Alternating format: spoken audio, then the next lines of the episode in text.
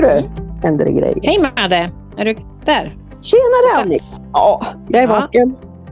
Du är vaken. Jag är vaken. Vad härligt. Lovely. Och nu sitter vi som vi gjorde en gång förut. Du i Sverige, jag i Spanien. Ja, Mm. och du är lika brun och snygg den här gången och jag är lika blek och pålögd ring. Nej! Så himla roligt. Så illa är det inte vännen. Jo, men det är så roligt när man sitter här nu på Zoom och så ser man bilden när man bara säger ja, det är så här att leva i Sverige. Men snart blommar vi ut. Nu har vi varit på djupet. Tyvärr så är det ju, ja, men så kan man väl säga att eh, Sverige har väl inte så många soltimmar som Spanien har. Nej. Men vi har ju gett Men- eh, möjligheten under vintern att vara på djupet och försöka takta ner lite på våran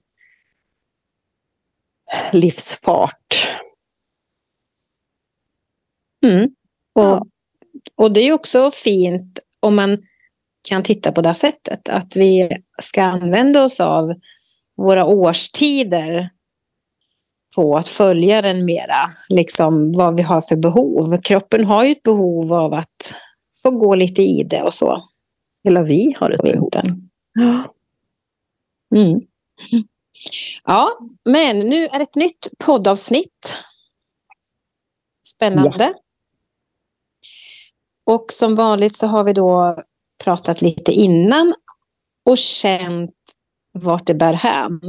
I vad, vad, vad, liksom, vad som ligger i luften. Och, och ehm, jag pratar med dig, eller jag berättar för dig att jag har ju i min utbildning tidigare läst om KASAM. En teori som, och den står för känsla av sammanhang. Och att, ja, hur vi, upp, hur vi som människor upplever tillvaron som meningsfull och begriplig och hanterbar, kan man säga.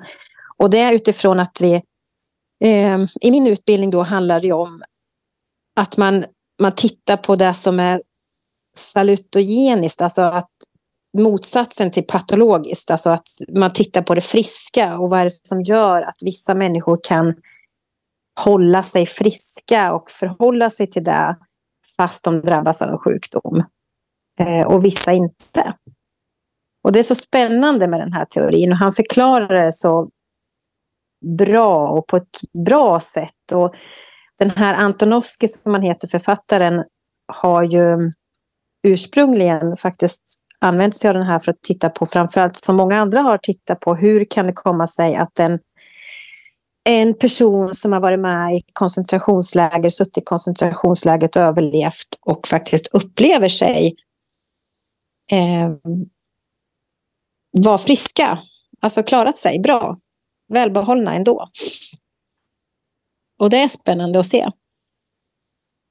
Men det gjorde Ja. i alla fall att vi kom in på det, eller hur Madde? Att vi ville Ja. prata lite grann om det här ämnet och så. Ja. Och det är så också det är lika spännande när vi pratar här innan för hur vi eh, lever ditt liv. Du lever ditt liv, jag lever mitt liv utifrån samma insikter till stor del, men har två olika starka plattformar.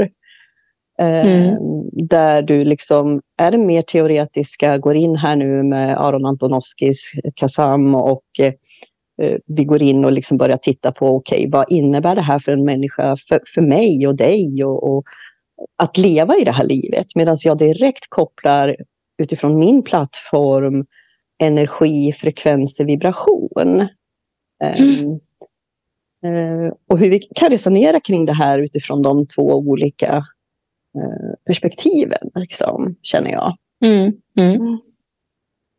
Så, det är Ja, och det är ju, ja, men det är ju. Och jag menar, det är ju för att vi har också våra lyssnare där ute kan liksom känna igen sig i det du utifrån ditt perspektiv på ett annat sätt och eh, några från mitt perspektiv. Liksom. Men det är ju samma sak vi pratar om. Eh, och vi har ju ofta samma synsätt liksom, Ja. i, i grunden. Och vi pratar lite om tankens kraft och affirmation och, och sådana här saker också. Och att jag, som jag sa, att jag har ju alltid känt, och jag har ju bevis på det i mitt eget liv, att tankens kraft kan verkligen leda dig till där du önskar. Eh, och du pratar i alla fall, du pratar också om tankens kraft fast då i energiform. Mm. Um, och kommer vi osökt, osökt lite grann in på det här med attraktionslagen som är ett begrepp som en, eh, en hel del människor liksom eh, arbetar med för att manifestera saker i sitt liv. Och man, alltså det finns utbildningar och det finns eh, lite så. Och när mm. någonting för mig blir eh, för bra eller det blir för mycket, det blir liksom för, ja, för mycket helt enkelt av en sak, då är det för mig en obalans i det. Eh, mm. Därför att vi kan inte tänka oss friska. Vi kan inte tänka oss till att manifestera överflöd. Vi kan inte tänka oss till att eh, vara lyckliga. Utan det som vi gör, eller det man gör egentligen med det här attraktionslagen, eh, det är ju att du någonstans har en önskan, du börjar bygga dig en målbild av ett önskat, något önskat läge eller något, något önskat du önskar ha i ditt liv. Men mm. det kan inte ske om det inte förankras i hela ditt energisystem, i hela dig, så att det blir integrerat din sanning. Precis. Ja.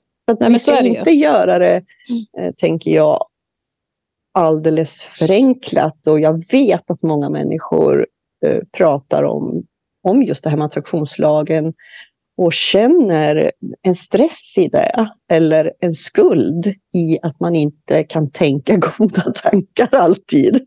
Och då någonstans mm. så har man misslyckats med att förklara tydligt nog för människor vad det här innebär, om de har nu varit på en kurs eller att eh, människan inte har liksom, tagit emot informationen eh, och kunnat omfamna den fullt ut. Är du med hur jag, är du med hur jag menar? Ja, ja, gud ja. Alltså jag, jag känner ju samma sak. Det är ofta jag känner det här att eh, man, man, kan, man kan hamna lätt i eh, hur duktig man än är som då föreläsare eller inspiratör eller medium eller vem alltså det spelar ingen roll vad du jobbar som eller vad du gör. Så det är många gånger jag kan själv tänka och känna att man misslyckas lite i förklaringen till andra. Att, för att det kan lätt hamna i att du skuldbelägger. Eh, eller man känner skuld eh, som människa när man då just får till sig att för man fokuserar vid att tankens kraft, och det är ett sätt att förklara det på, men det är ju som du säger, det måste in i systemet, det måste in i hela systemet om vi ska kunna nå någonstans.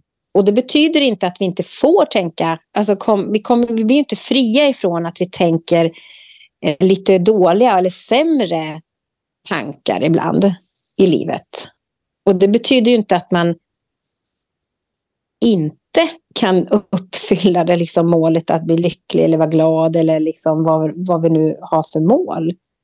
Nej. Men det, det, det, blir, men det blir lite så ibland att jag, jag tror att tyvärr att många kan uppleva att man lägger skuld på sig själv eller man blir skuldbelagd. Ja, och det är någonting som är farligt och det är inget helande i det. Så att, eh, det vill vi undvika. Det vill vi inte eh, liksom promota eller skriva under på eh, så att människor eh, fortsätter att lägga skuld på sig. Alltså, för att det här med energi och frekvens och att, att använder vi det liksom som en, en attraktionslagen som, som ett, ett, eh, ja vad ska man säga, som ett ämne för att försöka förklara mm. det här. Uh, och jag ser då liksom en radio med, med, med en en knapp där du vrider och försöker få in radiokanalen. Eh, liksom. Okej, okay, du kan få ja. in rätt kanal där. Det, det är din, eh, om vi representerar att vi lyckas få in rätt kanal. Rätt kanal betyder att du har rätt tanke, du har kunnat synliggjort för dig själv eh, att du önskar in överflöd eller du in, önskar in eh, en god hälsa i ett specifikt område. För att du, ju mer specifik du är, desto tydligare kan du rikta energin. Så är det. Eh, men om du sen inte vrider på volymknappen utan du får liksom sitta, nej men jag hör inte riktigt, vad säger de på radion? Nej, jag hör lite dåligt, vad säger de för någonting? Eller jag kanske har dålig mm. hörsel. Det innebär att jag kommer ju liksom inte kunna, även om jag är på rätt kanal, så kan jag inte höra vad som sägs på radion. Okej, okay, då behöver jag antingen, om jag har dålig hörsel, eh, gå iväg till en hörcentral och få en utredning och få en hörapparat så att jag kan liksom förstärka ljudet, så att jag hör det, så att det blir mitt. Så att det går liksom mm. in, ner i hela mig och integreras. Eh, eller så behöver jag vrida upp volymknappen, vilket också innebär mm. där att jag får det från en tanke och en önskan in i hela mitt system, integreras och blir min sanning. Och så vibrerar liksom mm. hela mitt, mitt, mitt väsen på den frekvensen där jag önskar vara för en bättre hälsa eller för eh, ett överflöd, om det nu är det jag önskar in. Eh, mm. Jag vet inte om det kan vara tydligt nog. Jo, men det tycker jag att det, det är väl en bra förklaring. Så. Att det, och, och, som vi säger, attraktionslagen är ju liksom väldigt populärt just nu att använda sig av eller prata om. Um, men den är svår. Jag, tror, jag upplever, jag får många till mig som kan säga så här, men vad, vad, vad innebär det och vad... Nej, det går inte. Jag, jag förstår inte och det här stämmer inte. Det innebär att vi har pratat med människors mentala aspekt. Vi har inte talat till människans känslosystem eller eh, vi har inte lyckats liksom vrida upp volymen. Vi har inte lyckats män hjälpa människor att vrida upp volymen. Du läser om mm. det, du kanske går en kurs, du matas in med mental information. Men för att det ska bli en sanning av dig måste du själv ha en upplevelse av att det lyckas. Så att där händer det någonting i dig och så blir det din sanning. Men om vi inte kommer dit, att om vi nu håller en kurs eller, eller så, skriver en bok eller vad det nu är, om vi inte lyckas leda människan till en upplevelse så blir det inte en sanning. Och då vet vi inte hur vi ska göra. För det är ett nytt sätt att lära när hela systemet, hela vi, behöver lära nytt. Och det är ett annat sätt, vi går över nu i en annan tid med ett annat sätt att leva och lära än att bara jobba med teori.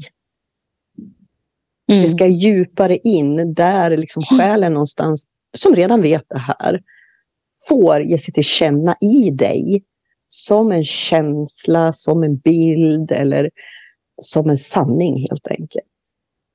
Och det är där lite trixet ligger, att vi får den upplevelsen. Mm. Sen kan vi manifestera vad vi vill, absolut. Och så kan vi kalla det attraktionslagen eller vi kan kalla det vad vi vill. Men, men vi behöver göra det till en sanning för var och en av oss. Ja, och jag tänker överhuvudtaget nu när vi är inne på dem. För här handlar det ju verkligen om, som du säger, upplevelse. Och verkligen integrerat i hela sig själv. Och den är ju fasen inte enkel. Um. Nej, och därför så tänker jag att om du lyssnar på det här och funderar på att gå någon kurs, en helgkurs eller någonting i, i det här med attraktionslagen, så fråga då kurshållaren. Hur är kursen upplagd? För att det är väldigt viktigt då att ha många praktiska övningar för att just du ska kunna bygga din upplevelsebank. Mm. Det är tips. Mm. Ja, och sen kan det ju vara så att det sitter människor där ute som lyssnar och som kanske vill säga att de har läst en bok om attraktionslagen och de tyckte inte att det var något särskilt just då, men prova att läsa om den eller någon annan för att det har gått kanske en tid och nu befinner du dig på en annan plats och kommer att uppleva boken på, en annan, på ett annat sätt. Eh, för det är också, allt är ju förändligt. Eh, så att du själv, just att du själv får den här upplevelsen. Det vet vi väl alla när vi läser någonting oavsett om det är en deckare eller om det är en doku, alltså, alltså dokumentär, eller på att säga, men en, en liksom annan form av bok. Eh, så en lärobok eller någonting. Så är det ju otroligt olika sätt man tar in dem på. Och sen kan man läsa den igen efter ett tag och känna något helt annat. Och det är lite spännande bara det. Absolut. Kan, det, vi, vi, det pågår ständig utveckling. Alltid i oss ja. hela tiden. Och i vår omvärld. Det är så häftigt att vara människa. ja, det är ju det. Och det, det är liksom... Och det här att det går upp och ner.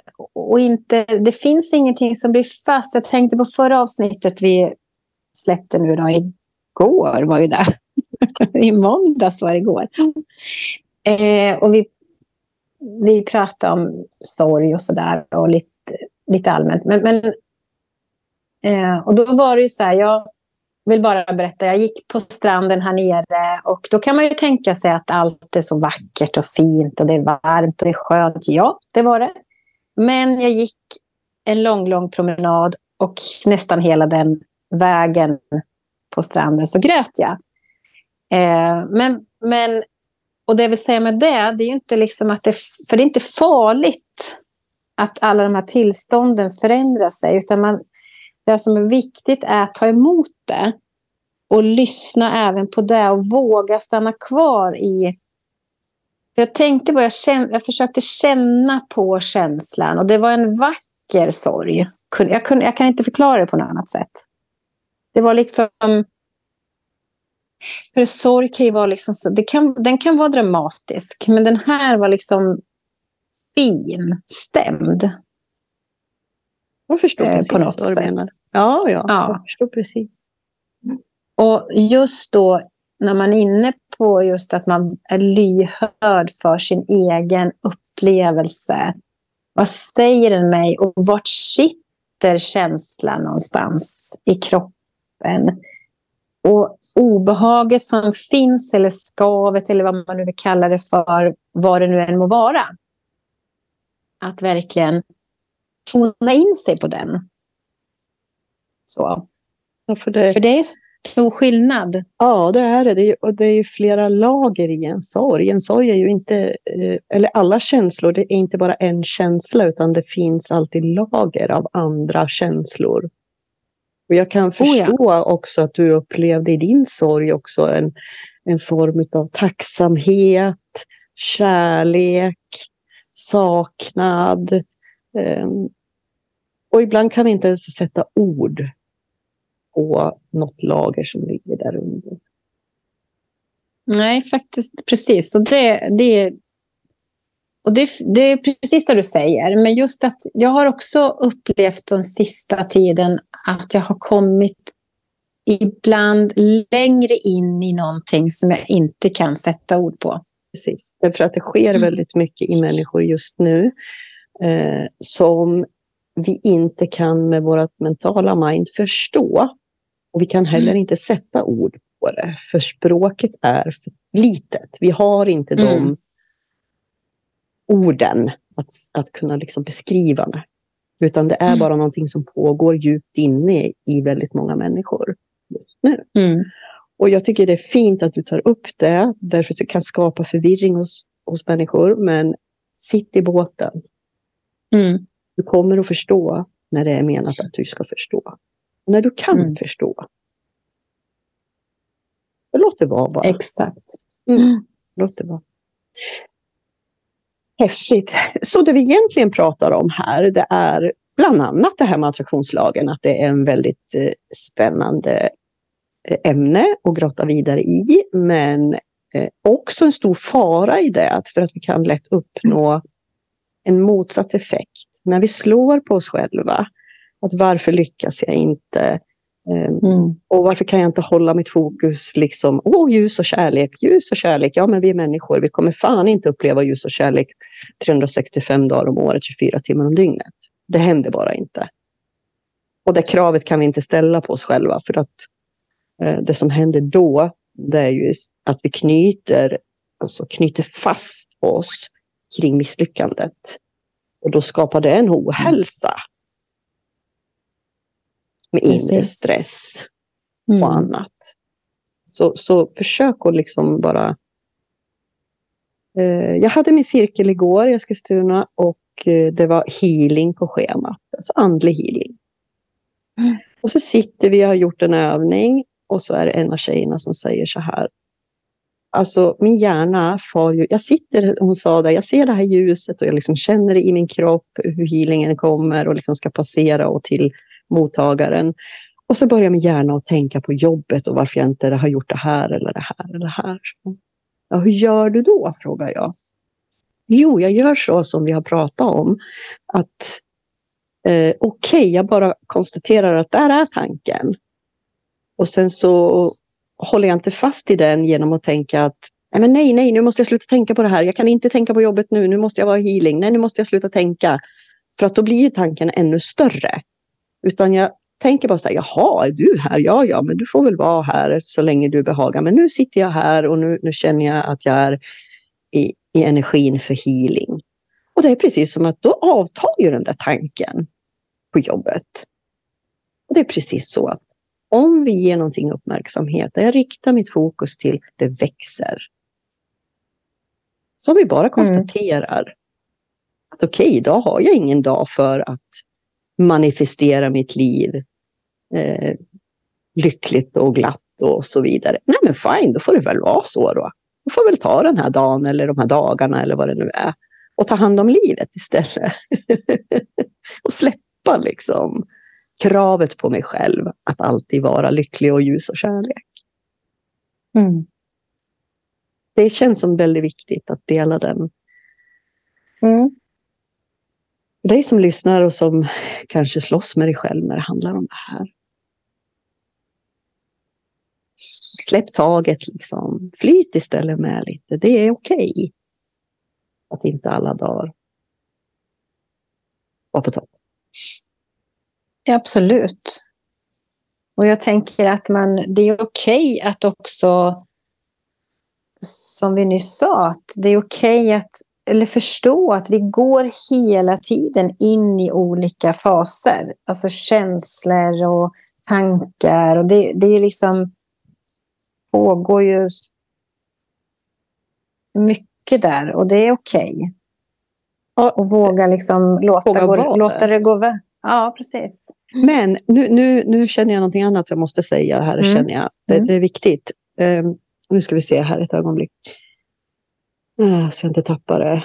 Um, jag vet att jag gjorde något in, postade något inlägg på Facebook här i våras. Uh, där jag sitter här och skrattar åt mig själv. Uh, åt vad som pågår i min hjärna. Uh, att jag har insett med åren att jag kan inte leva halva året och tycka att jag vill bara ha sommar. Resten av, och eventuellt kanske vår också, men resten av årstiderna är skit och jag går i det och jag bara brottas med att försöka överleva varje dag.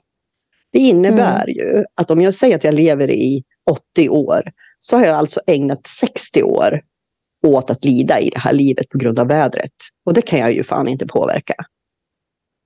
Nej, vad behöver jag göra? Jag behöver ändra min inställning. Mm. För att tycka att hela året är okej. Okay. Och att jag faktiskt lever 80 av mina 80 år. Mm.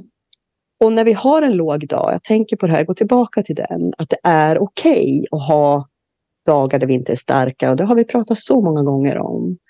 Men när vi kopplar det då till att jag lever ett medvetet liv, jag jobbar med attraktionslagen som exempel. Och så får jag några dagar där jag tappar det eller det händer saker i mitt liv som kräver min uppmärksamhet känslomässigt och fysiskt.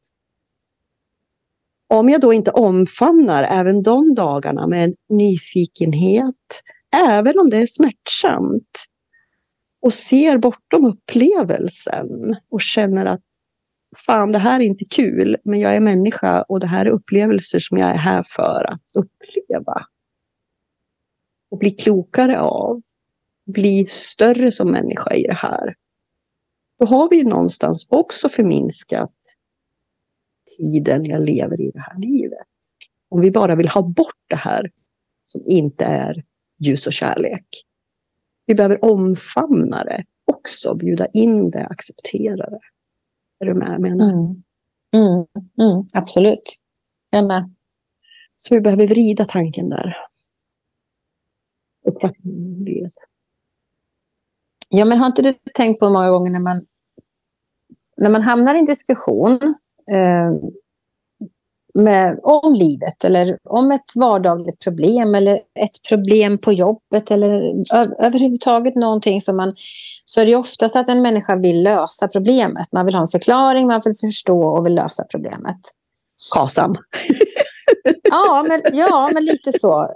Alltså, så. Eh, och, och det är vi ju liksom indoktrinerade i också. Att det är så det är. Vi ska liksom funka så som människor. Men vi är ju också påverkade av att vi att det ska vara liksom, att vi ska helst befinna oss i ett tillstånd som är bra. Vi orkar inte befinna oss i något som är problematiskt eller lite jobbigt eller obehagligt. Eller, och det behöver inte vara starka känslor, utan det kan vara mycket liksom av att äh, känns inte så jättebra. Eller det är någonting som, men så går, och då springer man vidare direkt. Yeah. För att man letar efter något som är bättre. Yeah. Men det, här, det, här, det är ju det här som är livet. Att just hela tiden finnas i... Jag menar, jag kan sitta och må skitbra men ändå ha lite obehag i magen. Då kanske jag ska fråga mig själv vad står det för? Eller bara låta det vara och se vad som händer. Och som presenterar sig där liksom. Ja, för mm. det är liksom livet i sig. Vi kan aldrig komma ifrån det. Och då är det dumt att springa bort hela tiden. Eller fly, eller vad man nu gör. Och jag tänker bara med vädret, det, det, är ju ganska roligt att ta upp, för att jag är ju tyvärr en, en person som inte alls Du har ett flyktbeteende. Ja, jag flyr till Spanien. Nej, men nej, alltså jag älskar ju årstider på ett sätt. Jag vill inte ha en och samma årstid. Nej, det vill jag inte. Och jag har inga speciella, jag har inga depressioner eller någonting som inträffar eller liksom något vid en speciell årstid. Jag tycker det är häftigt med det mesta. Men jag har konstaterat att med åren så gillar jag inte vissa saker. Och varför ska jag ens... Varför, då har jag kommit till den här liksom slutsatsen att varför ska jag då tvinga mig att befinna mig där? när jag kan göra någonting åt det. Men det är, en det är också sak. dumt.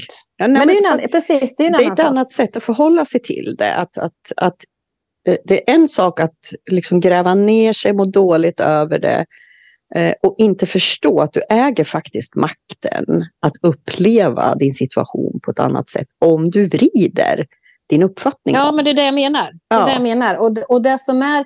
Men tidigare i mitt liv så har jag inte jag tänkt så. Utan jag har ju tänkt att ja, men ja, det är ju här jag befinner mig. Då får jag stå ut. Ja, okej, okej. Alltså nu, nu, nu förenklar jag. För att Ja. om jag skulle förklara exakt, så, men nu Mm. förenklar jag liksom min Mm. upplevelse. Eller mitt sätt att tänka och resonera.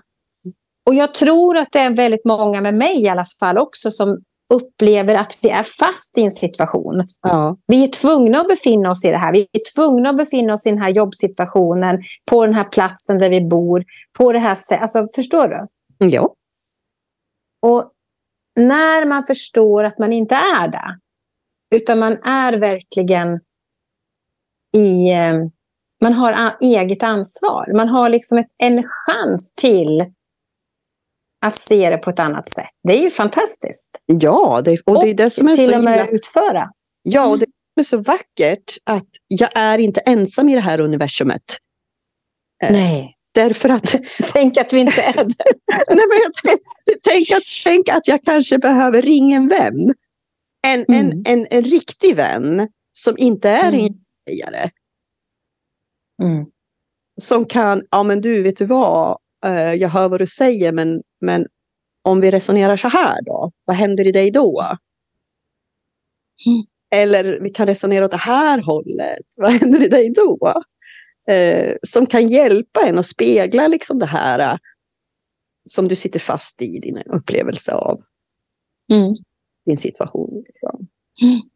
Eh, och jag använder alla människor, jag låter alla människor få vara på min scen, på mina, i min arena.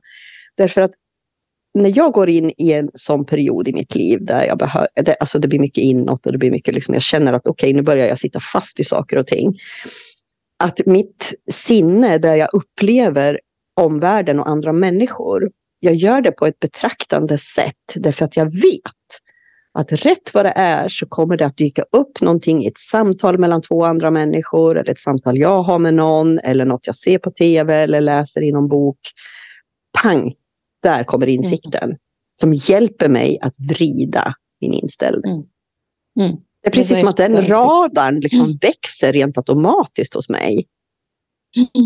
Och sen, sen börjar jag liksom ta in. Jag vill, jag vill inte gärna in, in, interagera med människor för att jag behöver liksom min stillhet och min avskildhet. Men med radarn utåt växer istället. Men det är också det fint att du säger, för jag tänker också att eh, man, har, man ser sig själv som en... Antingen, jag brukar ibland prata med kompisar om att ja, men se dig själv som ett aktiebolag om du vill. Alltså, du kan ju ta vilken metafor som helst. Eller liksom du säger arena, jag står på min arena, min teaterscen eller vad som. Och vi behöver faktiskt inte interagera med människor alltid. Men vi kan ha dem bredvid som du säger. Vi kan gå parallellt, vi kan känna av, vi kan lyssna av och sen som, så kommer en liten melodi eller en fras någonstans som landar i en som ett frö och sen blommar det ut vid något bra tillfälle. Ja. Det är det som är det häftiga med livet. Och jag ska bara nämna då för lyssnare, eller för, för dig också Madde, du vet ju om det, men vi kommer ju ha ett avsnitt, jag ska ju intervjua en tjej. Um, jag tänkte på det vi pratade om, att ändra sitt liv eller följa sin väg och så. Vi, så kommer ju kom, ett, ett kommande avsnitt handla om hennes liv där hon har ändrat helt arena. Det blir så, så spännande att få ta del av eh, faktiskt och höra hur hon mm. löste. Mm. Och hur, hur, alltså vad, eh, varför? Hur väcktes, ja. hur väcktes det och vad var det som kickade från en idé till action och eh, rent praktiskt hur hon har löst det och upplevelsen mm. nu mot då. Och, nej men gud, jag ser så fram emot det verkligen.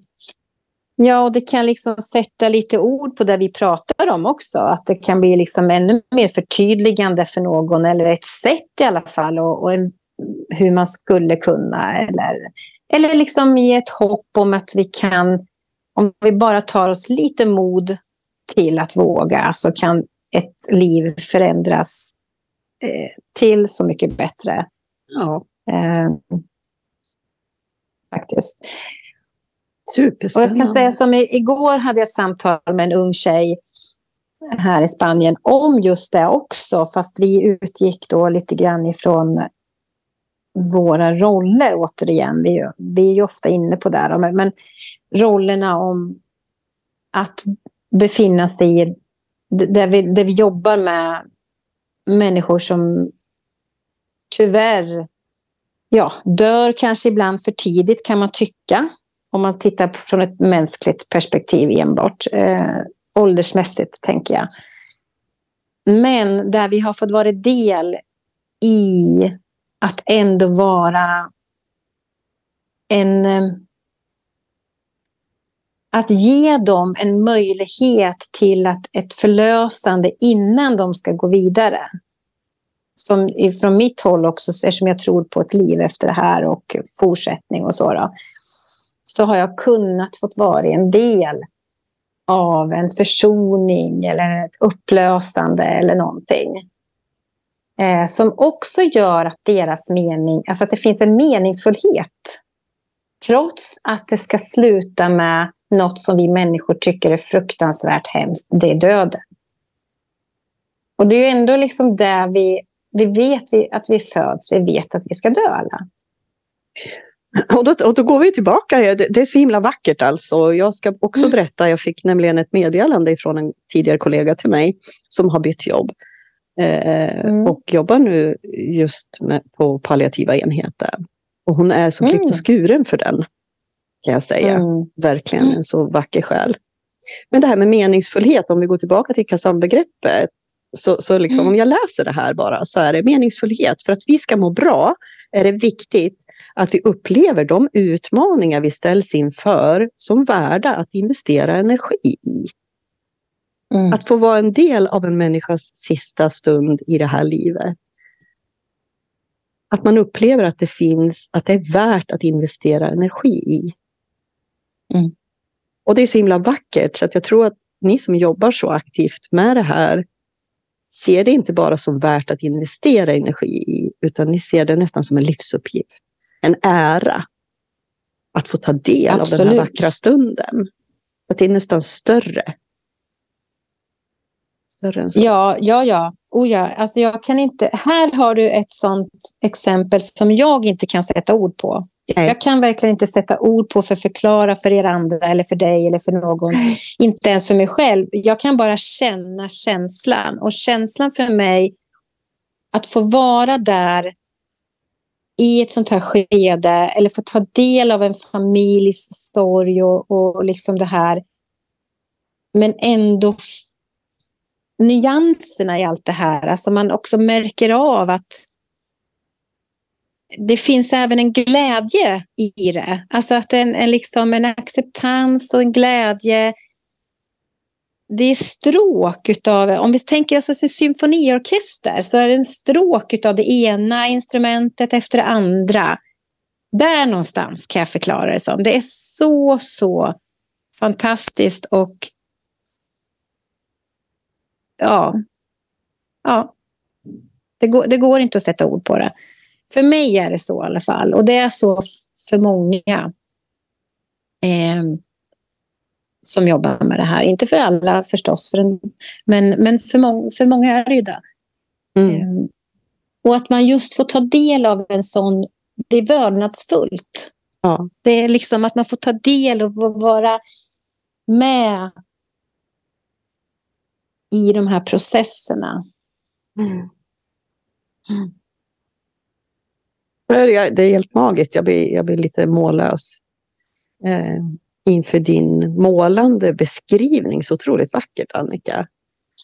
Eh, själv så, eh, när jag jobbar inom omsorgen, eh, så ibland går ju människor bort. Och jag vet för några år sedan då eh, en människa hade gått bort när jag kommer till jobbet och jag jobbar på natten och vi skulle göra henne i ordning och, och lite sådär. Och jag sa det, alltså jag fixar inte det. Jag är, rädd, jag är inte rädd för döden, men det upp, jag upplever allt det här som ett fruktansvärt obehag. Mm. Och jag har ju trott att det har att göra med en traumatisk händelse när min mor gick bort. Att det väcker i mig någonting där. Eh, som inte liksom jag har kunnat hantera. Eh, att själva döden för mig har varit ett trauma. Mm. Och sen har jag låtit det här landa och jag har liksom mediterat och gjort lite reseregressioner och det här på, på vad handlar det här egentligen om för mig? Tills jag en dag bara inser att men herregud, det har inte med det att göra. Det har att göra med att jag är så själskopplad. Hela mitt liv har jag varit där och jag har inte fattat det. Så för mig att bara uppleva skal är skitläskigt. Det skapar mm. en rädsla i mig för det är någonting jag inte känner till. Är du med jag menar? Mm, mm. Nu hade jag en så otroligt vacker kollega som jag var så trygg med. Eh, så det var inget konstigt utan det gick alldeles utmärkt. Eh, och, så. Mm. Eh, och idag kan jag känna att nej men, nu har jag inte riktigt samma skräck. För att det var alltså en skräck. Jag var jätte, tyckte det var jätteobehagligt. Mm. Um, men min plats är att inte vara med när själen lämnar det här livet. Min plats är att vara med när, li, när själen kommer till det här livet. Mm.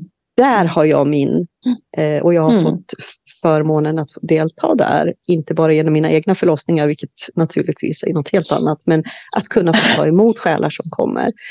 Eh, där har jag min, min plats istället. Mm. Mm. Och det är så fint att vi har olika platser att vara och Absolut. verka på. Att vi känner det här. Och det behövs ju. Ja! Du behövs ju på din plats, verkligen. Och jag tänker också det att eh, det är, jag har också, jag funderar ibland på det där med att, för jag skulle precis säga tidigare att, alltså att vara på den platsen jag befinner mig när, när själen ska lämna eh, är ju utifrån sett ganska betungande. Medan om vi säger att när själen ska komma, alltså vid födslar, så, då, så är ju det något som är vackrare. Man värderar ju så som människa. Mm. Eh, ofta. Och det förstår jag att man gör. Eh, och men det är lika viktigt. För det är, det är två... Det är ju egentligen de enda tillfällen, alltså vi vet det, det som är sant. Vi kommer, vi föds och vi dör.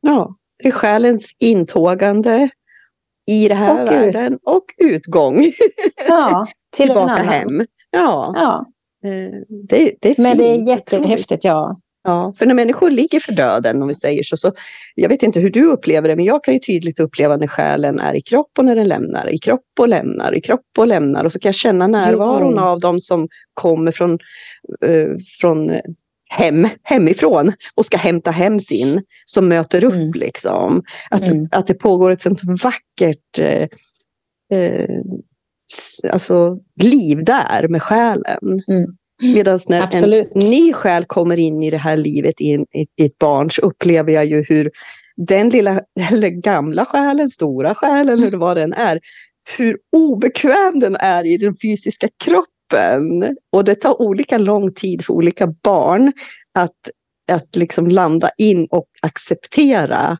att, att, att okej, jag som själ är nu i den här formen, den här trånga kostymen. Liksom.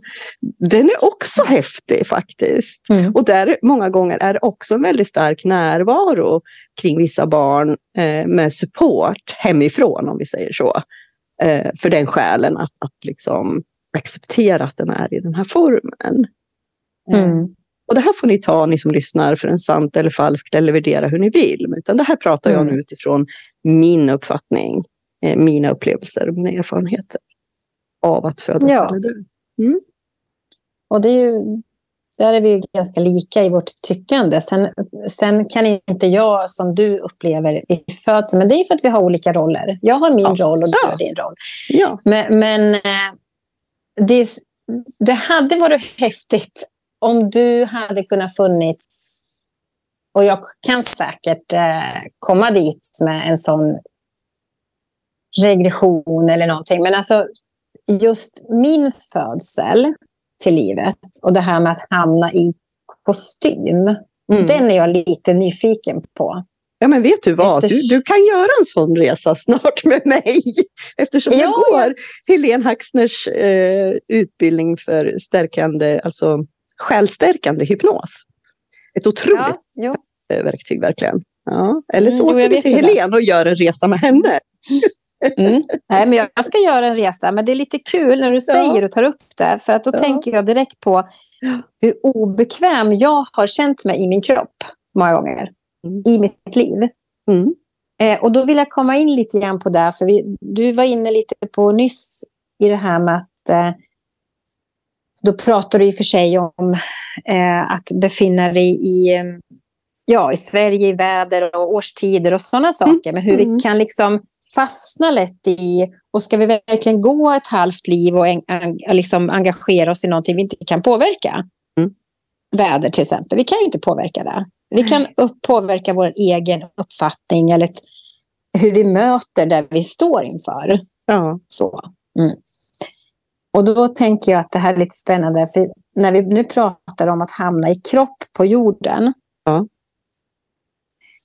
Eh, jag har ju varit obekväm i min kropp och tänk vad jag har slagits mot min kropp i mitt liv. Mm. Eh, så när jag ansågs för många, många år sedan bli sjuk. Eh, i, jag fick olika diagnoser.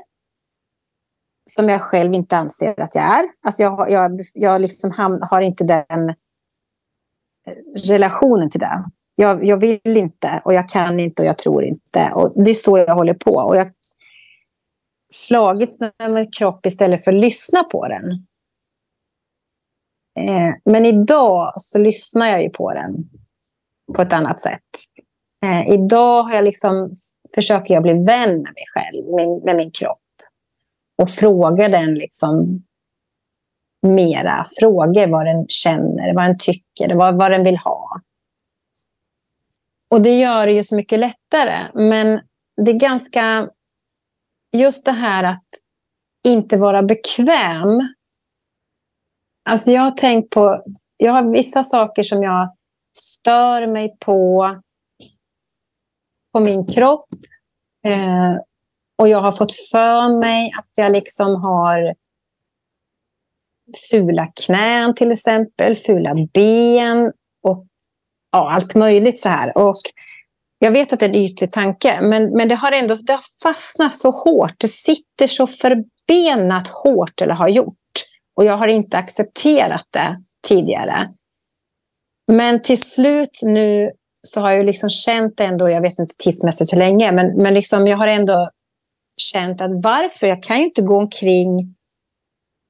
Är det bra dumt att gå omkring och tänka så ett helt liv och slösa min energi och kraft till det? För det är ju min form. Ja. Alltså min form ser ju ut så här i grunden. Sen om jag har liksom lagt på mig några kilo för att studsa runt på jorden lite mjukare. eh, och sen att jag har liksom ett lymfsystem som, som inte riktigt är i balans och så. Som ju också gör att det, det lägger sig små kuddar här och där. Eh, ja, men det är alltså... Det är någonting som jag tänker att här, skulle, här behöver jag verkligen gå in i och bli bekväm fullt ut. Jag är på god väg, men jag är inte där. Men jag tror, när du, när du sa nyss det här att landa i sin kropp innan att det är redan obehagligt för vissa, så tror jag att jag är en av dem. Ja, och det här är faktiskt väldigt vanligt. Många mm. gånger, alltså som jag ser det, omedvetet hos människor. Vi vet att vi har ett annat hem, liksom. själen vet ju det. Och sen hur mm. pass medvetet, hur, hur pass eh, hur pass det har stigit till mitt medvetande om, eh, om att det är så. Eh, eller att det kan vara så. Eh, det är olika för oss. Eh, mm. Men den är i din fysiska kropp, så som jag ser det. Din personlighet, ditt, ditt skal, ditt uttryck. Det är en spegel av själen. Så när jag ser en människa, jag hör en människa, jag känner en människa så är det en spegling av själen. Och jag kan känna, se och uppleva hur nära du är din egen själ där. Hur pass stort lager du har lagt i, i, i ditt jag. Eh, mm. som, och hur långt ifrån själen du har kommit då. Förstår du vad jag menar? Mm, mm, ja. Mm, mm. eh, och för andra så kan själen ligga väldigt tajt emot eh, dig. Alltså ni, ni är väldigt nära varandra. Och, och hur det då påverkar ditt liv. Um, och det här är skitspännande. Um, jag älskar mm. att leva känner jag just nu, för det här är skitspännande. Mm. Uh, för att vi säger ju som medium det här att ja, men när vi lämnar så går vi hem till andevärlden och vi vet ingenting om andevärlden. Vi ser inte, vi, vi vet inte det. Uh, Nej. Och mm. Eh, för att många människor säger, vad gör de där i andevärlden? Ja, det är ingen som kan svara på, för det går liksom inte att säga, så här är det. För vi har inte varit där. Förutom de som har eh, haft nära döden-upplevelser eller dött och kommit tillbaka och kan berätta om sina upplevelser därifrån. Mm. Så vad själen betraktar som hem, det vet vi inte. Och jag har gjort ett par resor med Helene med den här självstärkande hypnosen och så vidare. Alltså det jag har rest, jag har låtit själen, för att det är ju då jag ger själen tillåtelse att, att resa och jaget, mitt medvetande, åker med för att hämta minnen eller upplevelser som hjälper mig i det här livet. Att förklara min situation i ett visst område eller att det hjälper mig vidare i det här livet. Att jag förstår kanske mer min livsuppgift eller annat. Och det gör mitt liv mer eh, hanterbart och begripligt och, och så vidare. Um, mm. Och ibland kan jag känna, se och uppleva när jag tittar på en människa som kommer till mig att okej, okay, här ligger det verkligen en grundläggande livssorg som människan jag inte förstår, men själen vet. Jag kan se det. Så att vi behöver mm. lyfta och medvetandegöra i den här människan lite grann eh, om att omfamna det här livet för att jag har ju faktiskt valt den här resan. Ge själen tillträde då att uppleva allt som är du. Att ha en fysisk kropp.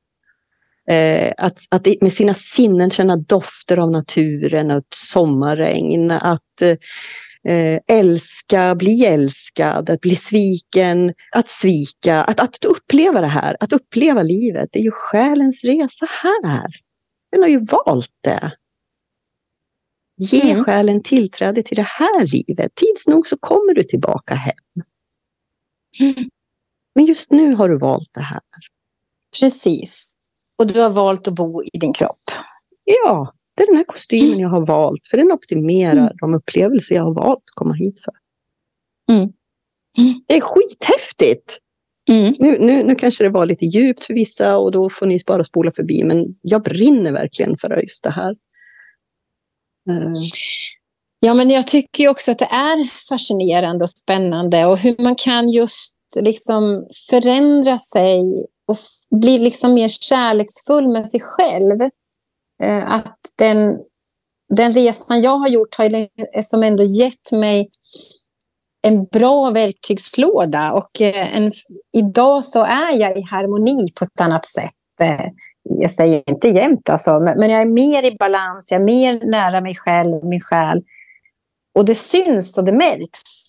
Men jag har inte varit där, men det är ganska häftigt att förstå och se skillnaden. Och istället för att slå på sig själv eller hela tiden springa efter att um, jag måste banta, jag måste träna, jag måste göra si, jag måste göra så, jag får inte. Nu får jag ingen jag luft bli... längre. Jag känner hur hela nej, jag bara kopierar. Liksom. ja, ja, jag förstår det. Och, ja, men tyvärr så är det ju där många befinner sig. Ja, för att vi är omedvetna. Liksom. Ja. Um, och du har inte valt fel kropp och du har inte valt alltså, fel någonting. Därför att själen är här för de upplevelserna, att göra det här livet på den här resan. Om vi istället mm. kan leva vårt liv och tänka att okej, okay, det finns ett annat syfte än det jag tror just här och nu. Det är bara att jag mm. ser inte, jag förstår inte. Eh, men det finns någonting där. Okej, okay, vad kan det vara? Mm. Alltså vi öppnar lite den dörren på glänt. Okej, okay, mm. själen, berätta för mig. Alltså, vad är det för någonting jag behöver se, känna, veta, förstå i det här som inte jag som människa kan förstå? Att börja liksom ha ett samtal där. Eh, precis som du pratar med kroppen. Eh, mm. Och se vad händer i ditt liv? Vad händer i dig? Eh, mm. När du börjar rikta uppmärksamheten till att låta själen bli synligare, tydligare och ta mer plats eh, och vägleda dig. Eh, ditt jag, liksom, ditt mentala uppfattning om mm. livet. Ja. Då kommer kan... eh, KASAM-begreppet till god användning.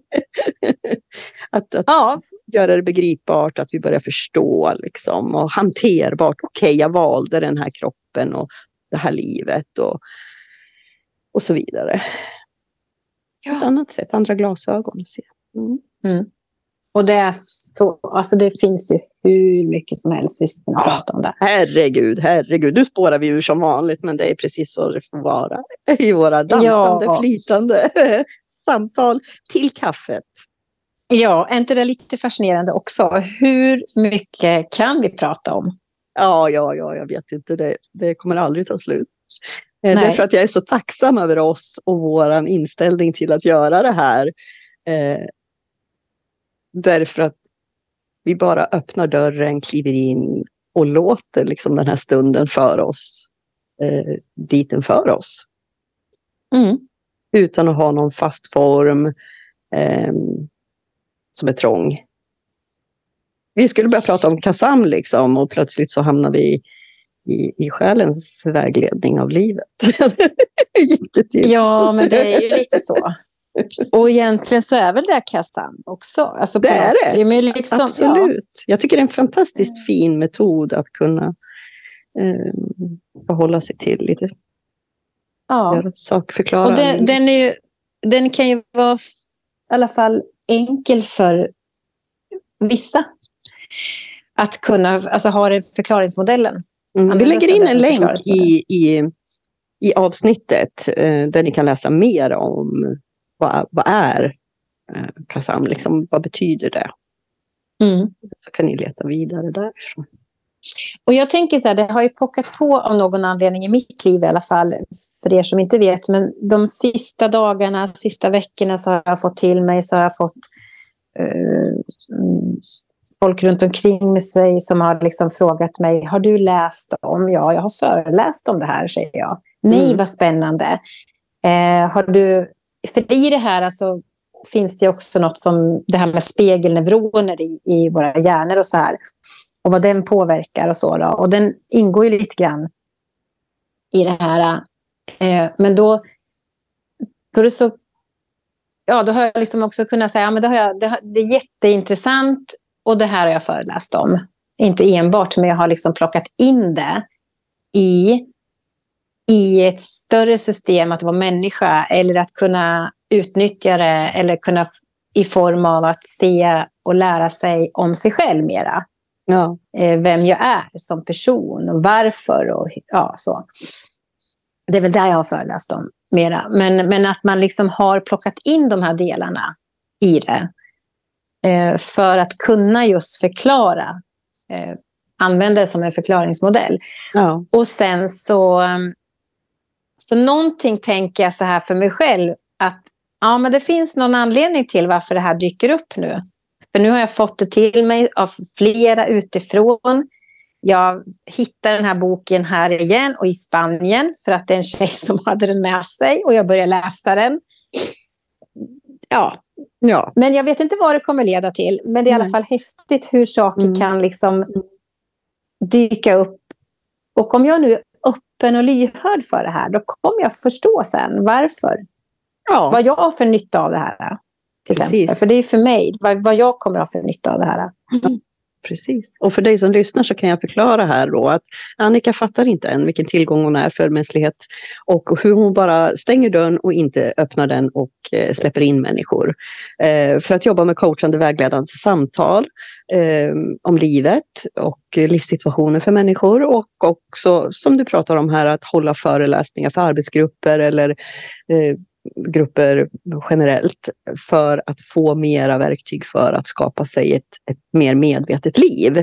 Ehm, jag sparkar Annika i arslet att eh, faktiskt öppna dörren nu och erbjuda människor att få ta eh, möjligheten att träffa henne. Ehm, så inom en snar framtid så har hon tänkt klart. Eh, Och gjort det här möjligt för dig att kunna boka tid med henne. och Det nu sa jag det du inte säger om dig själv Annika. Så nu kan du lipa åt mig och göra vad du vill. Det spelar ingen roll. Men du kan inte sitta Det där på kammaren och vänta. Jag vet. Och vänta. Du lipar i ditt eget huvud. Jag ser det faktiskt. Det Så. knöt sig lite där. Ja, ja men Mm. det är din prestation och så vidare. Och den har vi ställt åt sidan just nu. Hej med dig! du är så rolig. Ja. ja, vi får väl se, vi får väl se, vi får väl se. Ja, Nej, så. vad det blir i framtiden. Men det är lite kul i alla fall. Och hur mycket saker. Och det, och det kommer ni, ni som lyssnar känner också och, och förstår att saker har liksom en... Det kommer, det knackar på. Det är liksom, hallå. Men när man är redo för Ja. att lyssna på vissa saker så kommer det. Ja, och det måste få Och så ta den tid man det tar i varje människa och i sin process. För att som jag säger, det är din, du behöver en upplevelse av att det här är sant för dig. Då blir Mm. det din sanning. Det är ingen annan som Mm. kan tala om det för dig. Så är det för oss alla. Precis. Mm. Livet. Ja. Men nu ska vi avrunda. För nu Ja. pockar livet på här. Precis. Kan jag känna. Ja, och vi lägger in en länk som sagt och ehm, vi fortsätter med våra underbara, härliga, inspirerande terapeutiska samtal Terapeut en annan med, dag. oss, med oss själv. Ja, ja, det där, ja visst, det där är det. Är verkligen det. Ja, Tusen tack för idag. På återhörande. ja. Tusen tack, vännen. Eh, vi hörs där ute allihopa och jag säger som vanligt puss och kram. Tjing på er!